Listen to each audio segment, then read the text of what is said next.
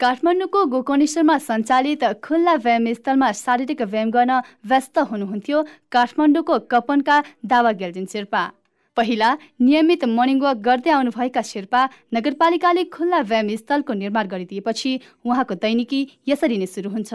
नगरपालिकाले बनाएको खुल्ला व्यायाम स्थलमा गएर व्यायाम गर्न पाउँदा शारीरिक रूपमा र आर्थिक रूपमा लाभ मिलेको दावा शेर्पाको अनुभव छ। अब जस्तै मोटोपनहरू पहिला म चाहिँ यस्तो रनिङहरू गरिरहन्थेँ।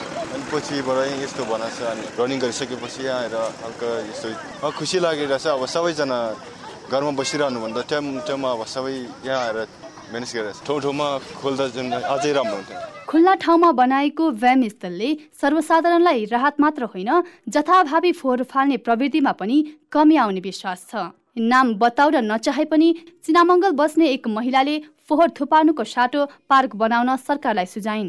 यो चाहिँ होइन यो यो ठाउँमा जुन यो कन्सेप्टले यो यो इक्विपमेन्ट्सहरू चाहिँ जति पनि राखेको छ नि यो एकदम राम्रो अब यस्तो नेचुरल इन्भाइरोमेन्टमा होइन झन् यो सल्लाहबाट आउने त अक्सिजन त एकदम प्योर अक्सिजन भन्छ।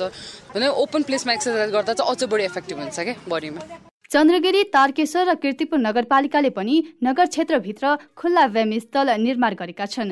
करिब चौध लाख रुपियाँको लगानीमा गोकर्णेश्वरले चार ठाउँमा खुल्ला व्यायाम स्थल निर्माण गरेको छ। नगरपालिकाको हरेक वडामा व्यायाम स्थल निर्माण गर्ने उद्देश्य राखेको बताउनुहुन्छ गोकर्णेश्वर नगरपालिकाका प्रमुख सन्तोष चालिसे। यो खुल्ला व्यायामशाला चाहिँ नि नगरपालिकाको हरेक वडामा गर्ने गरी यो सुरु गरेको छु।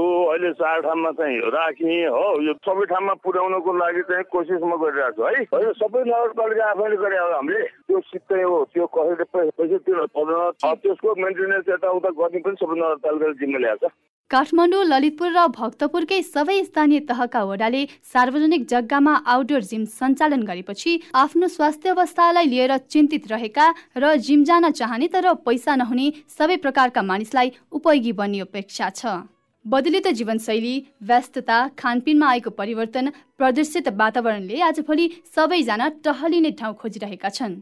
जसमा स्थानीय तहले निर्माण गर्ने यस प्रकारका जिमखाना औषधिको खुराक बन्न सक्नेछन् रेडियो क्यान्डिडका लागि निमु शेर्पा।